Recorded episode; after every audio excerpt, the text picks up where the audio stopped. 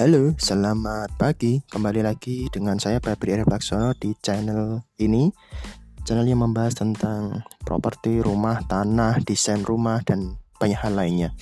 Nah, pada pagi hari ini saya akan membahas tentang berbagai macam cara mempunyai rumah dari yang termahal sampai yang termurah. Oke, langsung saja kita bahas. Yang pertama adalah membeli rumah dari developer. Nah, ini adalah cara mempunyai rumah yang paling mahal. Ya, ini kamu beli rumah, rumah baru ya, ke developer di dalam perumahan yang besar. Nah, kenapa ini yang paling mahal? Karena ketika kamu membeli satu unit rumah, itu artinya kamu juga membeli jalan, juga membeli taman, membeli musola, membeli eh, marketing dia, dan ada pajak-pajak yang besar, yakni PPN sekitar 10% dari nilai jual beli rumahmu. Itulah mengapa membeli rumah ke developer itu adalah cara yang paling mahal. Nah, berdasarkan waktu, maka yang paling mahal adalah ketika kamu membeli rumah baru ke developer saat perumahan tersebut sudah jadi, sudah jadi tinggal beberapa unit dan kamu membeli rumah itu. Itu pasti harganya sangat mahal. Nah, yang kedua, kamu membeli ketika eh, perumahan tersebut belum jadi, gitu kan. Jalannya belum jadi, fasum-fasumnya belum jadi. Nah, itu lebih murah, gitu kan. Dan yang paling murah adalah ketika kamu membelinya saat belum ada apa-apanya. Jadi masih soft launching, masih eh, pertama kali dibuka perumahannya, marketingnya baru berjalan beberapa hari atau sangat awal, kamu membeli saat itu. Itu harga yang paling murah ketika membeli rumah baru ke developer. Nah, itu yang pertama ya. Nah, cara mempunyai rumah yang kedua eh, yang lebih murah dari cara yang pertama adalah membeli rumah baru ke Eh, pengusaha jual beli rumah. Jadi selain developer ada perorangan yang memang dia uh, punya usaha membeli tanah satu unit dua unit begitu ya. Kemudian dia bangun rumah, terus dia jual. Nah itu uh, lebih murah daripada developer. Kenapa? Kalau developer itu kan perusahaan, di mana kalau perusahaannya itu sudah PKP pengusaha kena pajak dia akan terbebani pajak 10% dan itu dibebankan kepada kon, e, kepada pembeli. Sedangkan kalau kamu beli rumah ke perorangan gitu, itu tidak ada pajak 10% itu dan sehingga pasti lebih murah harganya dengan luasan yang sama, luasan tanah yang sama, e, spesifikasi bangunan yang sama, harganya pasti lebih murah. Alasan yang kedua adalah e, kalau membeli rumah ke perorangan itu biasanya kan bukan di perumahan ya, tetapi di ya di kampung-kampung, di sebagian sudut kota begitu ada tanah kosong kemudian ada rumah di sana sehingga kamu tidak membeli eh, jalan, tidak sekalian membeli fasum fasos, tidak sekalian membeli eh, eh, apa fasilitas-fasilitas yang lainnya beda dengan membeli rumah di developer sehingga pasti harganya lebih murah. Kemudian cara yang ketiga membeli rumah, eh, mempunyai rumah yang lebih murah ya, yakni membeli rumah second ke perorangan. Nah ini lebih murah lagi nih, karena biasanya rumah second itu dijual alasannya karena butuh uang, ya, karena butuh uang sehingga eh, harganya pasti lebih murah dari pasaran. Alasannya kedua, yaitu tadi tidak ada PPN tidak ada PPN 10% gitu. Kemudian juga tidak ada tambahan biaya seperti marketing yang banyak, eh, kemudian eh, tambahan biaya apa fasum fasos dan sebagainya seperti cara yang pertama tadi tidak ada. Nah, sehingga pasti harganya lebih murah. Dan cara yang lebih murah lagi yang nomor empat adalah kamu membeli tanah kemudian bangun sendiri dengan jasa borongan. Nah, eh, beli tanah, eh, kamu memilih tanah ya, memilih tanah, tanahnya sudah cocok, kamu beli, kemudian kamu punya uang cash kasih ke pemborong. Dan pemborong akan membangunkan rumahmu. Biasanya harga borongannya per meter itu misal ya katakanlah 3 juta ya kan? 3 juta dikali 100 meter persegi rumahmu luasan 100 meter persegi sehingga 300 juta 300 juta ditambah harga tanah itu masih lebih murah dari ketiga cara yang saya sebutkan uh, sebelum ini gitu. masih lebih murah ya. nah tinggal kamu mengawasi saja borongan tersebut agar sesuai dengan gambar yang dibuat oleh arsitek, agar sesuai uh, dengan spesifikasi yang telah disepakati dan agar uh, bangunannya uh, benar gitu lah. Jadi halus, tampak bagus begitu. Jadi kamu sebagai pengawas. Nah, cara yang kelima yang lebih murah lagi adalah kamu beli tanah, kemudian bangun sendiri dengan jasa kontraktor. Nah, apa bedanya dengan pemborong? Nah, kalau pemborong itu dia langsung borongan. Ngasih per meter harganya 3 juta misalnya. Sedangkan kontraktor tidak. Kontraktor itu sistemnya adalah persentase. Jadi, persentasenya misal kesepakatan 10% jasanya. Sehingga eh, nanti seberapa total biayanya dari membangun rumah itu, jasa kontraktornya adalah 10% dari itu.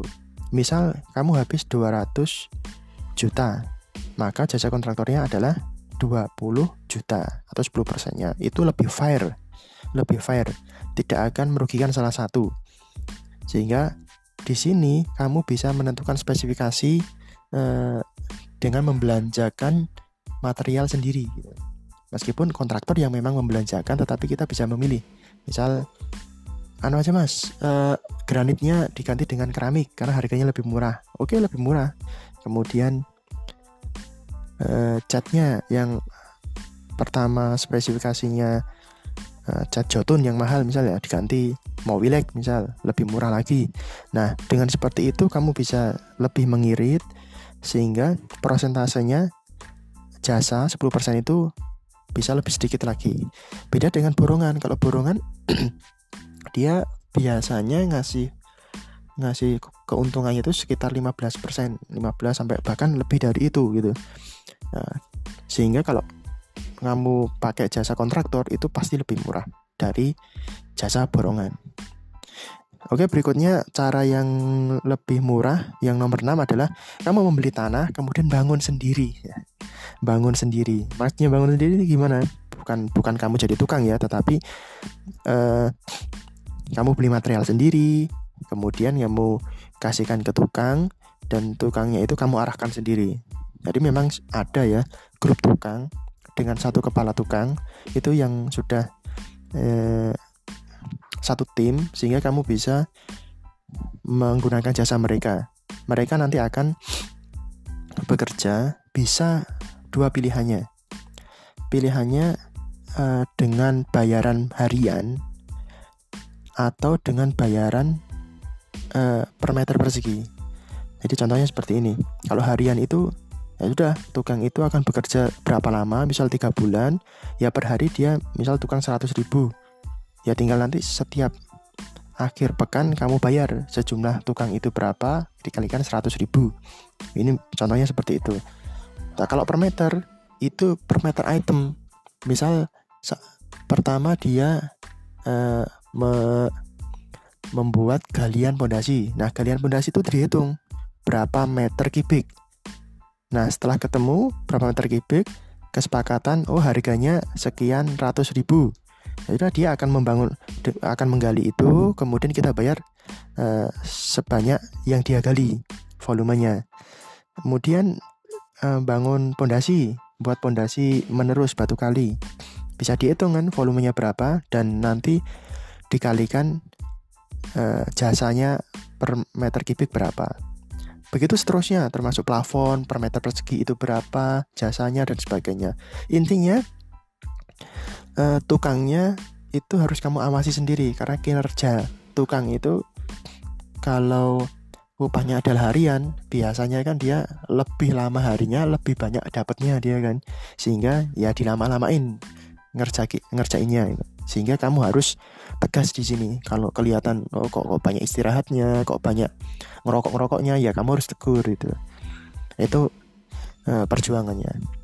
Dan yang uh, kedua kamu harus me mengawasi material. Materialnya harus kamu awasi dengan ketat. Karena kamu yang beli kamu yang naruh ke di gudang dan jangan sampai hilang Nah, karena beberapa tukang kan uh, ya mohon maaf ya ada yang ngambil, ada yang ini, ada yang nakal lah istilahnya. Nggak semua seperti itu, tetapi ada oknum-oknum yang uh, seperti itu sehingga kamu harus me mengawasi dengan ketat. Nah, dari enam cara ini 1 2 3 4 5 6 karena semakin murah, maka semakin ke bawah semakin kamu repot. Kalau cara yang pertama tadi beli ke developer ya kamu nggak repot, kamu tinggal beli aja, punya uang, bayar, selesai kamu dapat gitu kan. Tapi kalau yang cara yang keenam bangun sendiri itu itu paling murah. Tetapi kamu harus repot beli material ke mana-mana, ngawasi tukang dan sebagainya. Nah, ini tinggal pilihannya di kamu. Kalau kamu punya uang dan uh, uang nominal bukan menjadi masalah, ya pilih aja yang nomor satu kalau kamu budgetnya kurang dan punya waktu lebih luang ya pilih yang nomor 6 yang cara yang paling murah. E, membeli rumah ini mempunyai rumah ini memang seni ya gitu kan. Sehingga e, setiap orang beda-beda caranya. Tidak bisa di e, kamu seperti ini kamu seperti itu enggak. E, tapi benar-benar sesuai dengan uh, kondisi setiap orang. Nah, kalau yang cara yang paling uh, bawah tadi, yang paling murah tadi, kamu bisa men-setting uh, berapa jangka waktunya, berapa budgetnya, dan kamu bisa lebih men lebih bebas menentukan semua materi-materialnya. Dan saya memakai cara yang keenam ini. Dan alhamdulillah sangat murah. Jadi kalau dibandingkan uh, dengan tipe yang sama, luasan tanah yang sama di tetangga-tetangga saya yang mereka beli di developer itu saya bisa menghemat 150 jutaan itu kan. Lebih murah 150 jutaan itu bahkan mungkin lebih dari itu gitu kalau di dinominalkan. Jadi memang sangat murah tetapi ya itu konsekuensinya kamu harus punya waktu lebih kamu juga punya harus uh, punya uh, apa pengawasan yang lebih ketat. Ya, ini yang bisa saya sampaikan cara mempunyai rumah dari yang termahal sampai yang termurah. Ada enam cara tadi. Monggo bisa dilaksanakan. Ya, Kalau ada pertanyaan, komentar bisa dikirim melalui voice message ataupun WA ataupun di eh, DM ataupun di Facebook atau bisa semuanya bisa monggo itu ya. Terima kasih. Wassalamualaikum warahmatullahi wabarakatuh